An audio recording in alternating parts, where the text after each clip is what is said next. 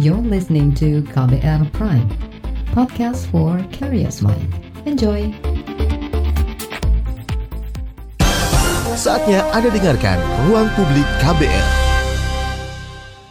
Selamat pagi, kita berjumpa kembali dalam Ruang Publik KBR dan tema pagi hari ini belajar dari Italia, seperti apa karantina wilayah yang efektif. Saudara beberapa daerah di Indonesia mulai menerapkan kebijakan karantina wilayah atau lockdown.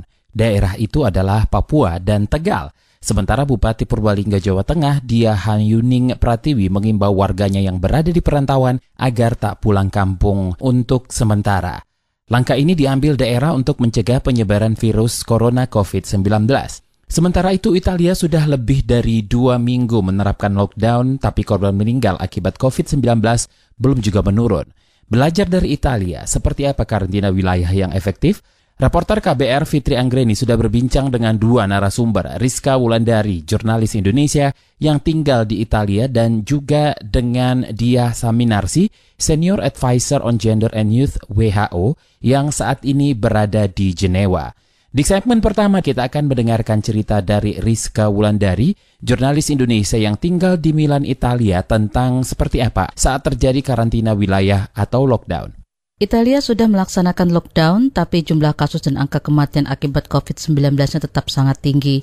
Bahkan korban meninggalnya tertinggi di dunia.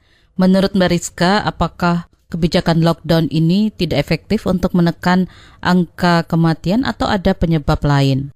Jadi sebetulnya pemerintah Italia itu menerapkan sistem karantina yang gradual, jadi tidak langsung. Maksudnya gradual itu bagaimana? Kita lihat sejarahnya karantina itu dilakukan pada 23 Februari itu untuk uh, dua region besar yaitu Lombardia dan Veneto, kemudian ada 11 kota-kota yang mengelilinginya. Nah, setelah dua minggu uh, dilihat bahwa grafiknya masih naik, akhirnya diperluas uh, menjadi seluruh Italia Utara.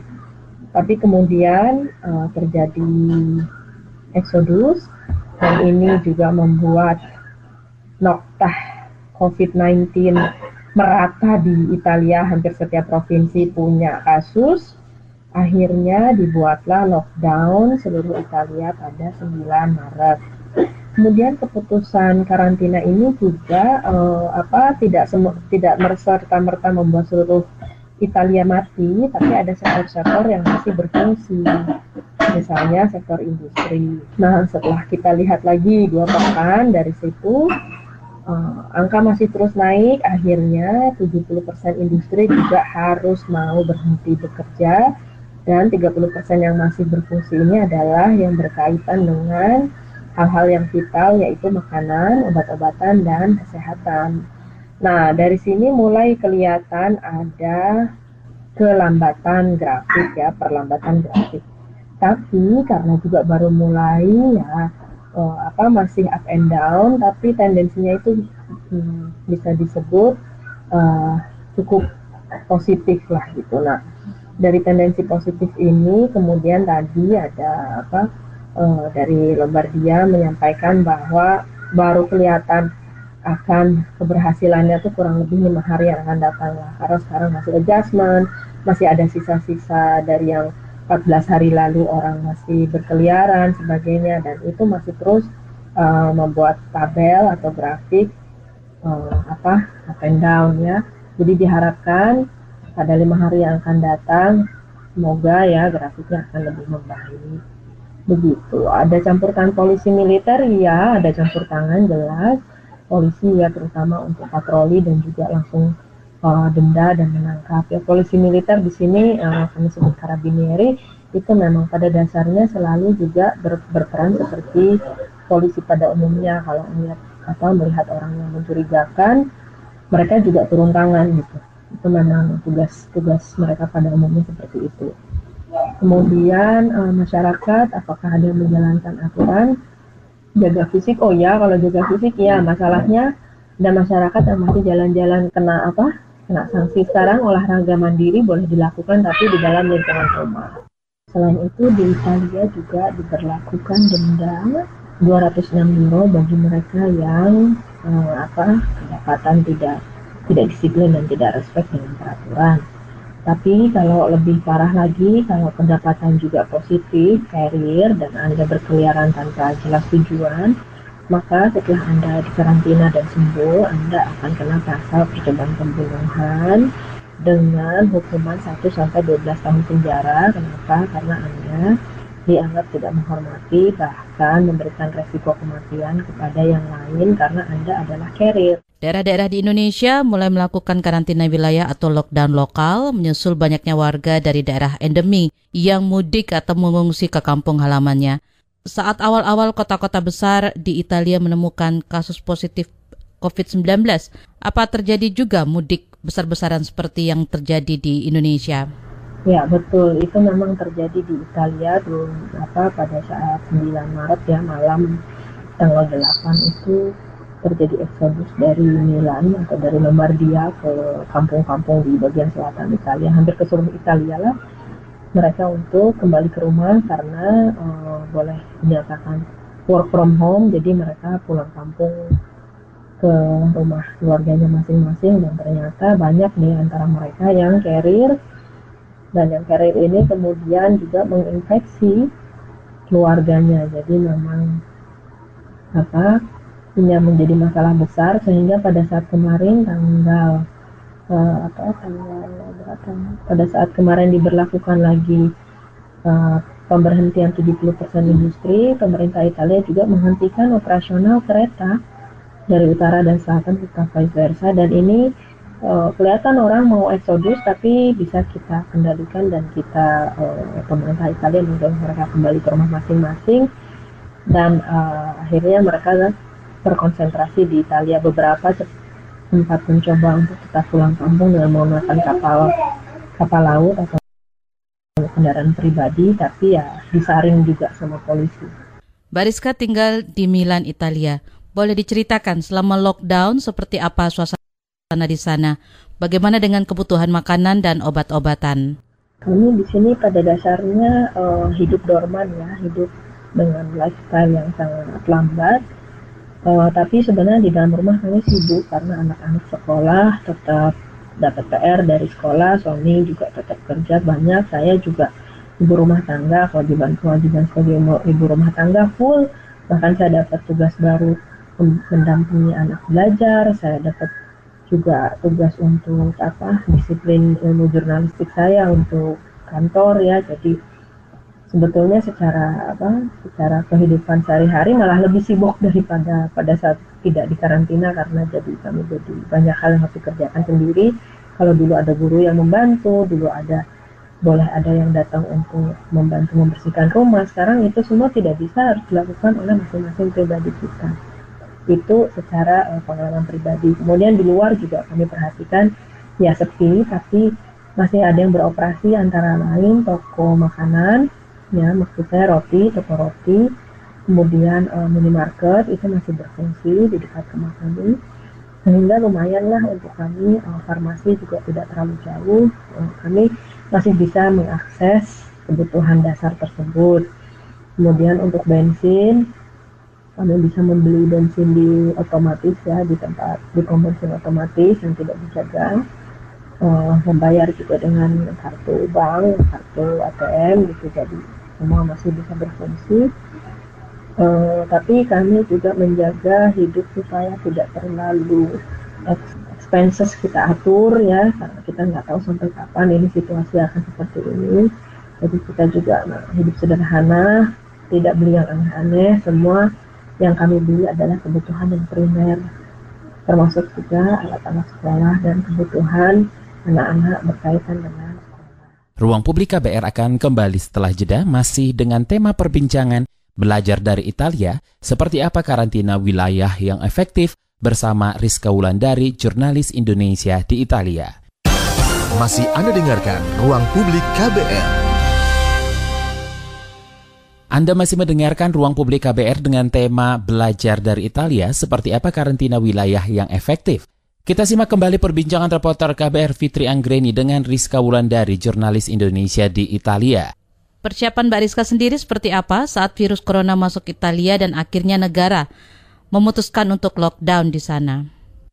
terus terang yang kami siapkan adalah mental dan rasa bersyukur ya pada saat kami dengar bahwa ada virus ini mulai apa menjadi kasus di beberapa kota kami mulai alert dan itu nggak lama ya setelah setelah kita menemukan kasus di epicentrum Codomio yang jaraknya juga nggak terlalu jauh dari Milan kami sudah siap siap sedia bahwa akan terjadi sesuatu dan pada akhir pekan itu memang akhirnya di lockdown. Tapi yang kami persiapkan hanya logistik untuk kebutuhan sekitar dua minggu lah. Itu pun memang kebetulan kan akhir bulan di mana memang kami biasa belanja. Jadi kami nggak melakukan apa penimbunan yang eksesif karena um, karena juga kami tahu bahwa supermarket akan tetap buka barang-barang makanan toko-toko makanan akan tetap buka. Jadi kami nggak nggak panik atau nggak stres gitu ya. Tapi memang terjadi antrian di, di supermarket karena orang yang biasanya belanja untuk sehari jadi belanja untuk seminggu dan dua minggu. Tapi mereka juga belanjanya belanja yang normal sih saya perhatikan. Kemudian di Italia memang ada water dan set apa bidet jadi kami tidak membeli tisu gulung seperti di negara-negara lain uh, kami menggunakan air untuk kebersihan dan sanitasi. Jadi uh, pada dasarnya yang kami persiapan yang kami lakukan persiapan yang manusiawi untuk keluarga dua pekan dan itu apa belanja yang normal. Selain itu di Italia logistik juga diatur supaya tidak sampai kekurangan atau kekosongan ya tidak terjadi kekosongan. Nah, karena diatur logistiknya harganya juga kurang lebih stabil, tidak ada kenaikan yang eksesif gitu sempat terjadi kenaikan harga di hand sanitizer dan masker tapi karena sekarang orang kebanyakan di rumah kebutuhan untuk barang-barang punya hand sanitizer dan masker juga tidak sebanyak seperti ketika orang masih melakukan aktivitasnya banyak di luar ya. Jadi uh, itu juga mengontrol harga secara alamiah terkontrol karena orang nggak terlalu membutuhkan orang di rumah kan cuci tangan dengan sabun. Saat ini apa saja kegiatan yang dilakukan selama di rumah? Ya kegiatan yang kami lakukan di rumah antara lain ya tadi yang seperti saya sampaikan yang paling penting adalah um, menjaga kebersihan anak-anak mandi kemudian melakukan tugas yang bekerja-bekerja yang sekolah-sekolah yang saya riset harus riset dan harus report. Kemudian juga um, apa permainan saya memang siapkan beberapa permainan eh, anak-anak uh, gitu ya apakah Lego, puzzle, gambar, melukis, menggambar, menari, menyanyi, puisi, kemudian kerajinan tangan, memasak bersama, main piano, alat musik, lari-lari kecil di pekarangan, main sepeda di pekarangan, tidak keluar dari lingkungan pekarangan, cukup di pekarangan saja. Uh, berdoa bersama juga itu ya kami lakukan. Ya ibadah sederhana di rumah kami lakukan. Kemudian juga ngobrol, nonton film bersama dan sambil menyampaikan kepada anak-anak, memberikan masukan kepada mereka kenapa kita beruntung karena kita ada di rumah di karantina tapi kondisi kita sehat sehingga kita bisa melakukan tugas-tugas kita ada orang-orang yang di karantina di rumah dalam kondisi terinfeksi dan sakit dan mereka mungkin kesulitan untuk melakukan tugas dan bahkan kesulitan untuk makan karena mungkin tidak bisa masak sendiri harus menunggu orang yang mengantar ngedrop dan sebagainya jadi uh, kita sampaikan kepada anak-anak meskipun kita tidak bisa keluar rumah, tapi kondisi kita masih lebih baik karena kita sehat. Bagaimana Mbak Rizka di sana menjaga diri dan keluarga tetap sehat, baik fisik dan mental? Salah satu cara yang membuat saya tetap merasa bisa positif antara lain uh, bersyukur ya, kemudian kita lihat berita juga, kita pantau media, kita riset segala macam. Kita lihat, kita memahami banyak orang yang lebih tidak beruntung daripada kita. Maksudnya bagaimana? Ada orang yang tidak tahu tiba-tiba dia ternyata terpapar sakit karena ada teman mereka daerah yang dekat dengan mereka ternyata carrier. Ada yang kemudian di rumah sakit mengalami trauma karena apa? Sakitnya berat sekali ya di ICU ada yang bahkan kehilangan keluarga karena mungkin anggota keluarga mereka nggak survive pada saat menjalani pengobatan. Nah ini menjadikan kita setiap hari hanya bisa bersyukur karena dalam karantina ini kita diberi kesempatan oleh pemerintah, oleh negara, juga oleh Tuhan yang Maha Baik ya untuk kita menghindari kemungkinan yang lebih buruk. Begitu. Itu saja membuat kita um, sadar ya. Kemudian juga hobi kita menulis itu juga membuat kita dari hari ke hari awas bahwa um, kita itu lebih beruntung. Itu tadi perbincangan reporter KBR Fitri Anggreni dengan Rizka Wulandari, jurnalis Indonesia di Italia. Di Indonesia, opsi karantina wilayah atau lockdown untuk menangkal COVID-19 terus ramai dibahas. Bahkan beberapa daerah seperti Papua, Tegal, dan menyusul kota-kota lain di Jawa mulai memperlakukan local lockdown atau karantina wilayah lokal. KBR sempat merekam pendapat sebagian warga yang menolak opsi ini karena alasan ekonomi. Simak laporan yang disusun tim KBR dibacakan Reski Mesanto. Wacana karantina wilayah atau lockdown untuk menangkal COVID-19 berseliweran di publik. Terlebih gagasan ini juga sempat terlontar dari beberapa kepala daerah, seperti Gubernur DKI Jakarta Anies Baswedan dan Wali Kota Malang Sutiaji. Apabila lockdown ditetapkan, maka bakal ada penutupan akses keluar masuk wilayah dan pembatasan besar-besaran aktivitas warga. Namun, gagasan ini ditolak Presiden Joko Widodo. Bahwa kebijakan lockdown, baik di tingkat nasional maupun di tingkat daerah, adalah kebijakan pemerintah pusat. Kebijakan ini tidak boleh diambil oleh pemerintah daerah. Dan sampai saat ini tidak ada kita berpikiran ke arah kebijakan lockdown. Menteri Dalam Negeri Tito Karnavian bertemu langsung dengan Gubernur Anies untuk membahas opsi lockdown Jakarta. Saat memberikan keterangan pers setelah pertemuan, Tito menegaskan bahwa daerah tak berwenang memutuskan lockdown sesuai Undang-Undang Karantina Kesehatan tidak bekerja tapi bekerja di rumah pun digaji. Kalau kita kan tidak, kita harus keluar. Nah, dapat apa? Yang di makan keluarga gimana? Begitu. Sebagian warga menolak tegas opsi lockdown karena alasan ekonomi. Kelompok pengemudi taksi daring misalnya, terancam kehilangan penghasilan sekitar 500 ribu per hari. Juru bicara Aliansi Nasional Driver Online, Aliando Anggoro, mengatakan, pendapatan pengemudi sudah anjlok sejak pembatasan sosial diberlakukan. Satu hari aja dia belum tentu bisa. Paling sekarang tuh sekitar 2 sampai 3 order. Ya tidak diberlakukan aja juga. Sebetulnya juga orderannya aja susah sepi lah. Dengan lockdown itu berarti kan ada pembatasan. Istilah kita tidak bisa keluar aktivitas. Usaha kecil dan menengah atau UMKM juga bakal makin terpukul apabila terjadi karantina wilayah.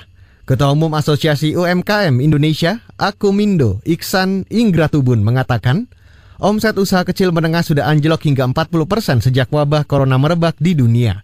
Sudah mulai pengurangan karyawan sebesar itu juga. Misalnya dia sebelumnya 4 atau 5 orang, sekarang hanya atau 6 orang, sekarang hanya 2-3 orang, 2 orang malah. Nah, aja hasil survei kita di Tanah Abang, hasil survei kita Tabrik City, hasil survei kita di Ramayana, begitu. Iksan mengkritik silang pendapat antara pemerintah pusat dan daerah tentang penerapan kebijakan lockdown. Kondisi ini dinilainya akan membuat bingung masyarakat. Iksan juga mengaku pesimistis dengan efektivitas kebijakan lockdown jika benar diberlakukan. Juru bicara pemerintah untuk penanganan corona, Ahmad Yuryanto mengklaim, opsi lockdown bukanlah langkah tepat menangkal penularan virus. Ia mencontohkan Korea Selatan yang sukses menurunkan kasus COVID tanpa melakukan isolasi wilayah.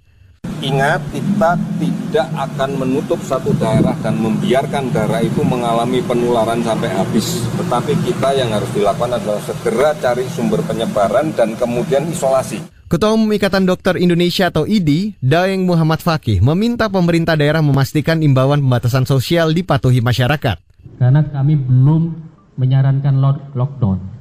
Jadi yang kami sarankan sekarang, apa yang disuruhkan pemerintah social distancing itu sekarang dilaksanakan diperkuat. Harus dipantau pelaksanaannya oleh pemerintah daerah, aparat keamanan dengan ketat. Demikian laporan yang disusun tim KBR, saya Reski Mesanto. Setelah jeda, ruang publik akan kembali. Kali ini kita akan dengarkan penjelasan terkait karantina wilayah di saat pandemi COVID-19 bersama Dia Saminarsi, Senior Advisor on Gender and Youth WHO yang berada di Jenewa. Dan siaran pagi ini bisa disimak di 100 radio jaringan KBR dari Aceh hingga Papua dan kbr.id. Jangan ke mana-mana. Masih Anda dengarkan Ruang Publik KBR. Terima kasih untuk Anda yang masih setia mendengarkan Ruang Publik dari KBR.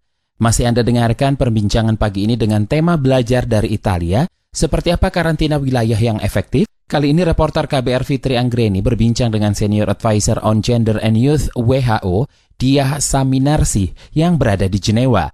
Kami ingatkan kembali kalau ruang publik kali ini adalah rekaman, jadi kami tidak bisa menerima pertanyaan dari pendengar. Ibu Diah, pemerintah Indonesia sudah menerapkan beberapa langkah untuk mencegah penyebaran virus corona ini. Pemberlakuan jaga jarak fisik, menyiapkan rumah sakit darurat, hingga menyiapkan jaring pengaman sosial untuk masyarakat terdampak. Apakah menurut Ibu langkah yang dilakukan pemerintah ini sudah atau akan efektif menurunkan laju percepatan kasus penyebaran virus corona ini? Saya rasa apa pun yang dikerjakan oleh pemerintah, apakah itu spesifik pemerintah Indonesia maupun uh, pemerintah di negara mana pun ya sekarang saat ini kondisinya kan sudah berefek kepada seluruh dunia. Uh, apa pun langkah yang dikerjakan oleh pemerintah itu harus berpedoman kepada prinsip tes, trace, isolate, dan treat. Jadi empat prinsip itu. Kedua, prinsip kedua adalah bahwa apa pun yang dikerjakan itu dikerjakan atas dasar uh, pemikiran untuk menyelamatkan nyawa manusia, untuk menyelamatkan kesehatan masyarakat. Nah, karena ini adalah dua prinsip utamanya, maka eh, langkahnya juga harus terlihat ke sana.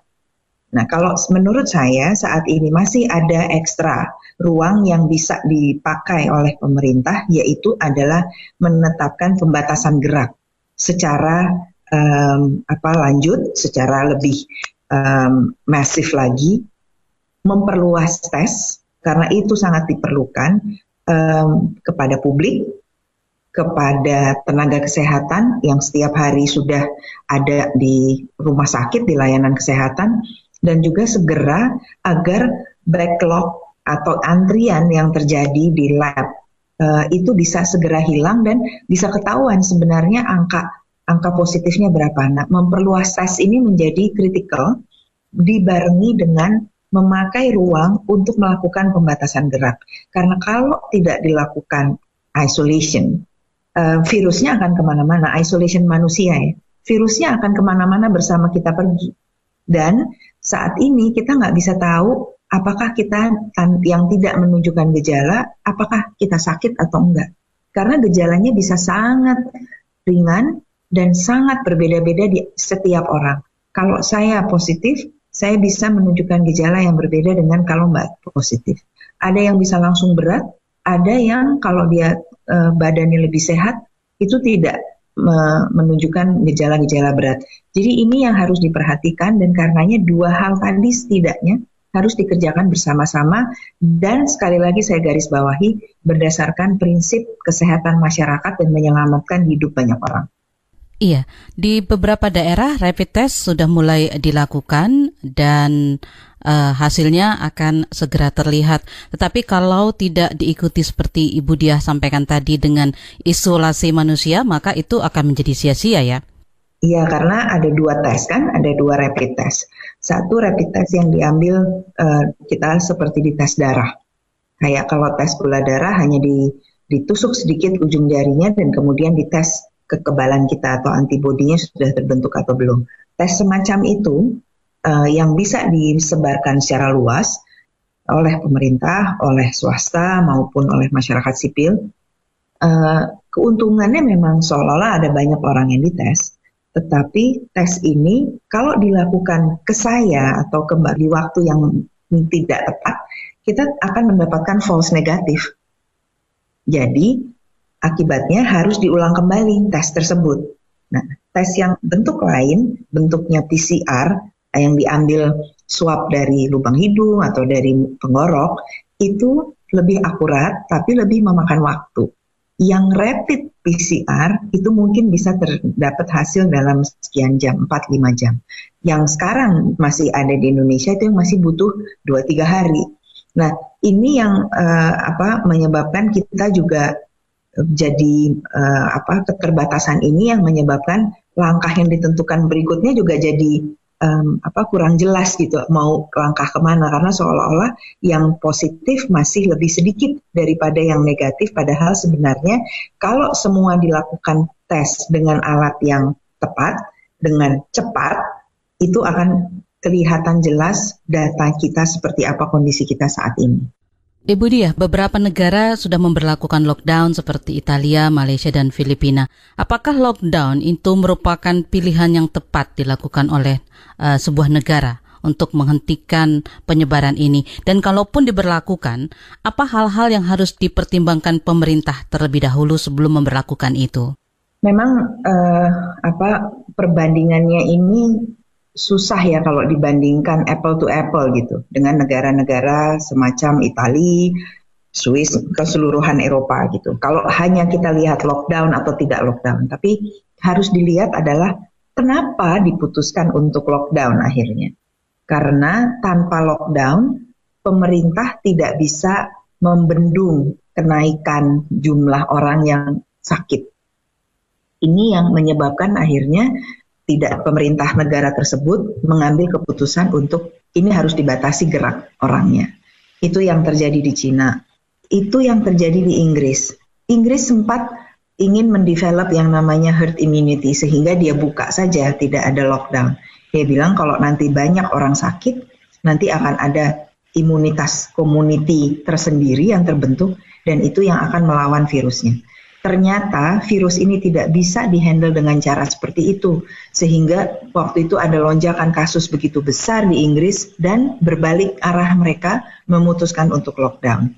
Di Italia juga demikian. Awalnya dianggap sebagai flu biasa dan kemudian dan dikira disangka hanya akan terisolasi di wilayah utara di bagian utara Italia, ternyata tidak. Sekarang sudah seluruh negara dan angkanya terus bertambah baru berapa sebulan yang lalu kurang lebih Italia memutuskan untuk itu di lockdown dan pada saat itu pun diputuskan sudah terlambat, udah keburu banyak yang terinfeksi dan akhirnya keburu banyak yang sakit kritis dan meninggal. Makanya case fatality rate Italia juga sangat tinggi.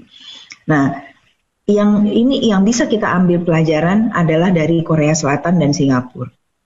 Korea Selatan dan Singapura itu memutuskan dua hal secara cepat. Satu, mengunci jadi langsung lockdown dan melakukan rapid test.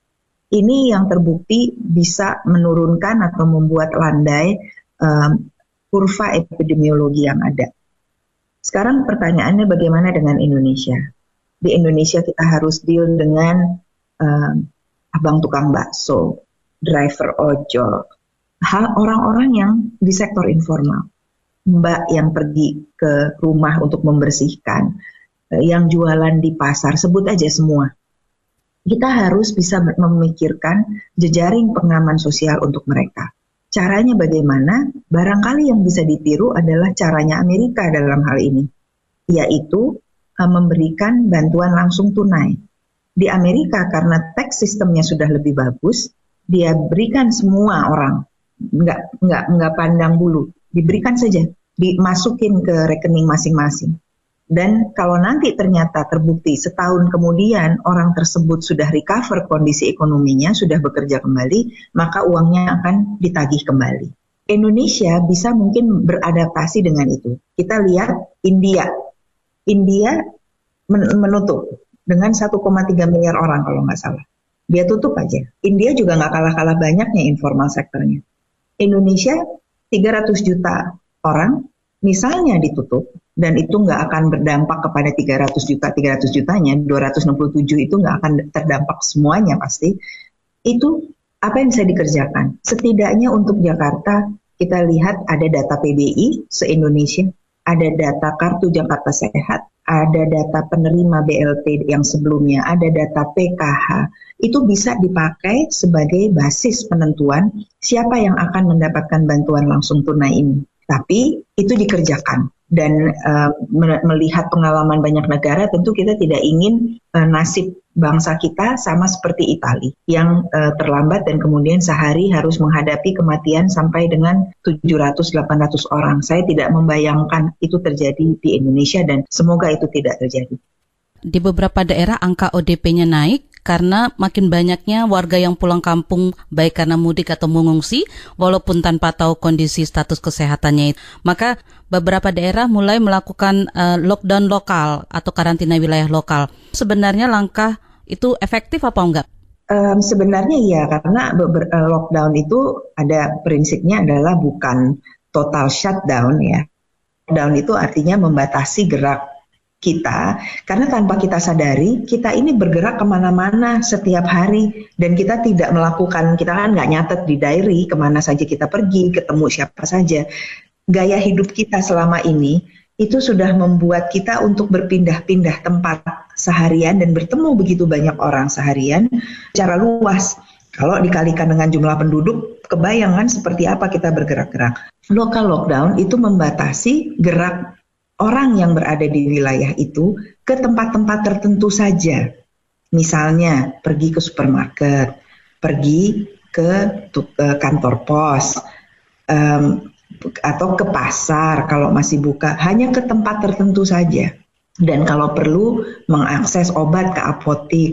Jadi itu bisa terkontrol apabila orang nanti butuh kita uh, ada orang yang positif dan butuh dilakukan kontak tracing yang terjadi sekarang karena tidak ada lockdown di dari ke dan dari Jakarta keluar ke area lain di, di kota lain di selain Jakarta, makanya ODP-nya meningkat karena yang dari Jakarta membawa dalam tanda kutip membawanya pergi ke pulang kampung. Sebenarnya mirip seperti saya barangkali Mbak Vivi sekarang. Saya di Swiss uh, ada 12.000 orang yang terinfeksi apabila sekarang saya pulang ke Indonesia, barangkali tanpa saya tahu, saya sudah membawa itu dan itu meningkatkan um, apa uh, resiko buat orang-orang yang saya temui. Sama sebenarnya prinsipnya. Perpindahan orang dari satu tempat ke tempat lain itu akan meningkatkan resiko di tempat dia pergi itu. Ini yang sekarang sedang terjadi karena banyak orang keluar dari Jakarta pulang ke rumahnya atau ke kampung halamannya masing-masing. Nah, Bagaimana Mbak caranya supaya uh, orang tidak lagi mudik atau mengungsi pulang ke kampung halamannya? Dan sementara yang sudah terlanjur pulang dan uh, menjadi ODP, seperti apa daerah harus melakukan penanganan? Ya, sebenarnya kalau kita bayangkan, kalau misalnya satu populasi, satu kelompok populasi itu sakit, populasi itu kita tahunya saya pergi ke puskesmas, saya pergi ke klinik, saya pergi ke dokter. Sebenarnya dari sudut pandang public health atau population health, yang kita lakukan pada saat itu adalah mengakses, menghubungi sistem kesehatan. Nah, di daerah berarti apa yang harus dikerjakan? Segera menegakkan itu me, apa merejuvinasi, memastikan kekuatan dan ketangguhan sistem kesehatan daerah. Apabila diperlukan kerangka regulasinya sebenarnya bisa melalui pergub atau perbub. Jadi sistem kesehatan daerah ini menjadi vital sekarang. Sama vitalnya dengan sistem kesehatan nasional, di mana kita di situ bilang layanan kesehatan yang perlu tempat tidur, yang perlu ventilator, perlu ICU atau ruang isolasi. Yang harus dikerjakan untuk menjaga agar tidak makin bertambah adalah kembali membatasi gerak perpindahan orang dari satu tempat ke tempat lain. Dan kalau sudah terlanjur pindah, maka di daerah sistem kesehatannya harus diperkuat lagi.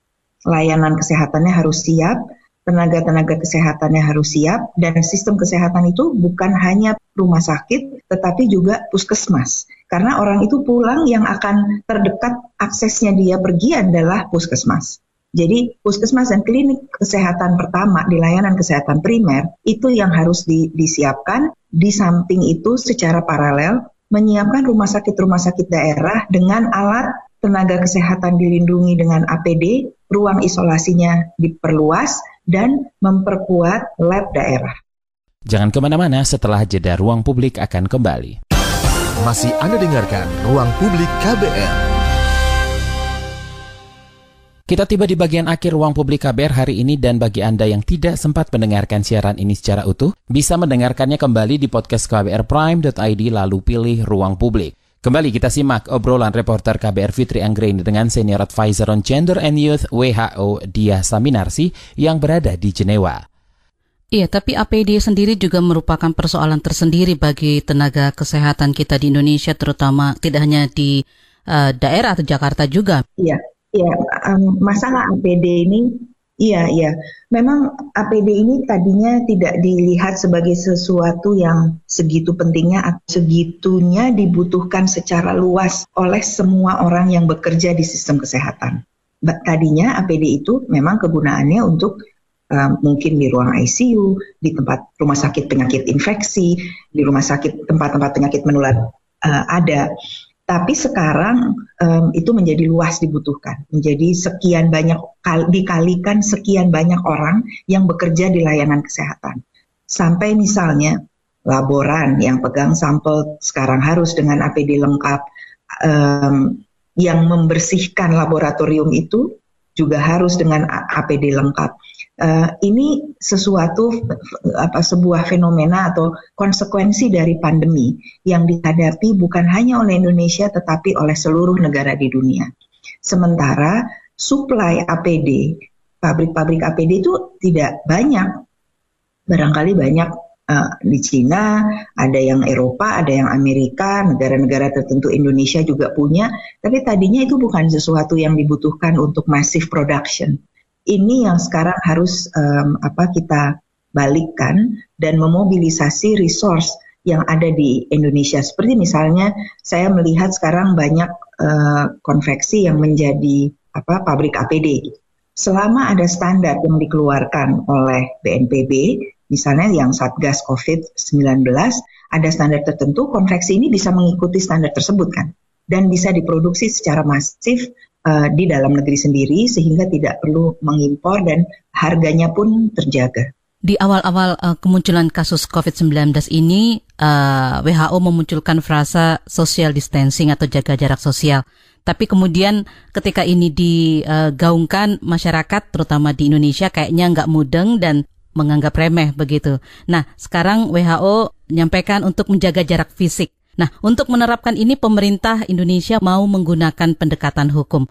Apa tanggapan Ibu Dia? Dan melihat pengalaman negara lain, apakah pendekatan hukum untuk menerapkan jaga jarak fisik ini efektif? Penegakan hukum sekarang aja kalau saya bandel keluar rumah, saya bisa disuruh pulang sama polisi di Jenewa. Itu bukan sesuatu hal yang buruk, tidak melanggar HAM, karena itu untuk uh, kesehatan kita semua bila diterapkan dengan cara-cara yang juga tidak melanggar HAM. Tentunya kita tidak mau mengambil contoh misalnya yang kita lihat ada di negara lain yang mukulin orang sampai segala macam enggak. Saya lihat berdasarkan video-video yang berputar yang ada di sosial media misalnya polisi kalau misalnya datang ke suatu tempat juga minta dengan baik-baik dan dengan hormat untuk bisa mengerti. Itu adalah uh, salah satu bentuk solidaritas dan um, apa pembatasan sosial yang memang harusnya dikerjakan. Ini yang yang saya kira itu semua bisa dikerjakan dan terutama penting dikerjakan karena memang pengetahuan publik tentang kesehatan, health literacy publik Indonesia kebanyakan itu memang uh, masih kurang sehingga perlu terus-terus di, di, diberikan materi-materi uh, edukasi publik kenapa harus berjauhan secara fisik toh kita bisa bertemu uh, di dunia maya misalnya gitu. Uh, bisa main handphone hampir semua orang Indonesia pegang handphone kalau tidak semuanya itu bisa kita mulai uh, mengeluarkan messaging seperti itu dan bila masih ada yang melanggar memang kita mau tidak mau harus um, apa minta bantuan dari aparat penegak hukum dengan cara-cara yang sesuai dengan um, apa kepatutan tentunya, bukan dengan cara-cara yang opresif. Soal angka kematian yang tinggi. Di beberapa negara ada persoalan dengan jenazah pasien COVID-19 yang tidak terurai karena harus dibungkus plastik, Mbak. Dan ini tentunya akan membawa persoalan lanjutan nantinya. Nah, praktik pemakaman bagi pasien dengan COVID-19 itu sebaiknya seperti apa, Mbak? Uh, kalau menyontoh dari banyak negara yang ada, memang uh, dengan seperti itu, karena kita tidak tahu, belum jelas penularannya seperti apa, uh, sifat virusnya um, kita belum jelas apakah um, menular atau tidak menular pada saat um, orang yang sakit itu meninggal, sehingga memang treatmentnya menjadi biohazard treatment, dan itu yang um, sebaiknya memang dikerjakan. Korea Selatan membuka data wilayah penyebaran COVID-19 tapi tetap dengan menjaga privasi pasien. Di Indonesia ada desakan serupa kepada pemerintah tujuannya agar masyarakat paham mana saja daerah-daerah yang menjadi pandemi. Uh, menurut Ibu Dia, seperti apa langkah pemerintah Indonesia terkait dengan transparansi data pribadi ini? Data pribadi yang tidak boleh didisklose itu sebenarnya adalah nama, terus dia um, apa Eh, siapa saja keluarganya dan lain-lain. Tapi eh, lokasi menurut saya eh, kecamatan setidaknya kelurahan kalau bisa itu terdata dengan lengkap dan provinsi dalam hal ini karena kita ingin melihat data dari provinsi ini berapa di dalam provinsi itu ada berapa jenis kelamin dengan usia harus karena itu penting untuk mendata catatan kematian dan penyebab kematian.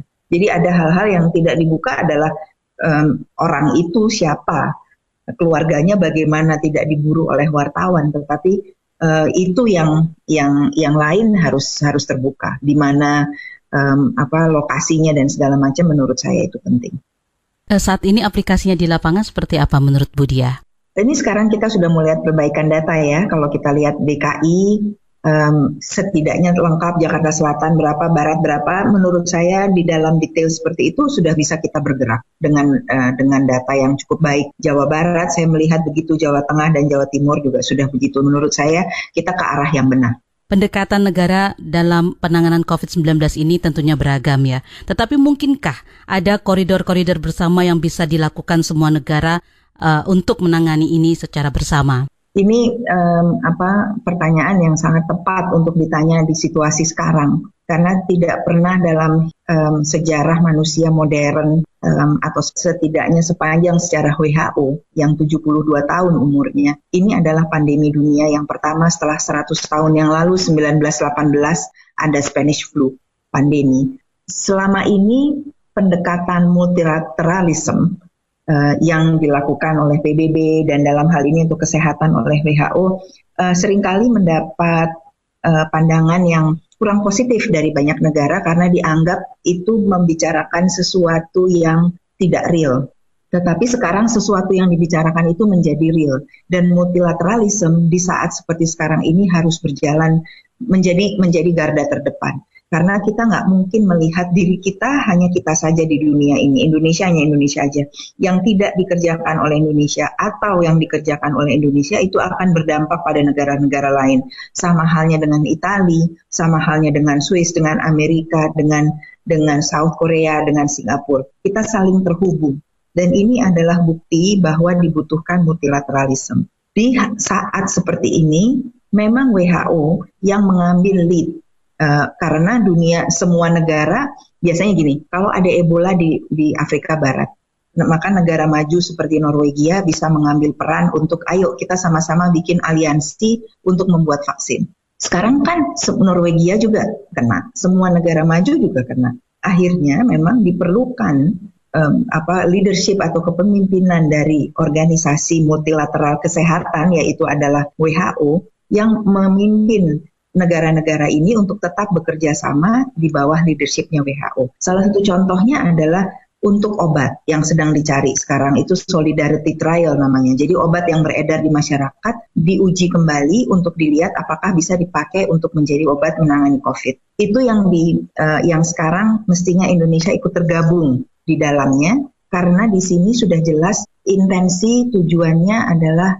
nggak ada tujuan komersial sama sekali, tapi tetap tujuannya adalah untuk membantu setiap negara dan setiap orang yang sakit dan menyelamatkan hidupnya. Jadi ini adalah koridor yang kita bisa pakai dan saya berharap uh, Indonesia bisa ikut di dalam koridor ini karena ada banyak koridor multilateral lain yang Indonesia sudah terlanjur tidak terlibat.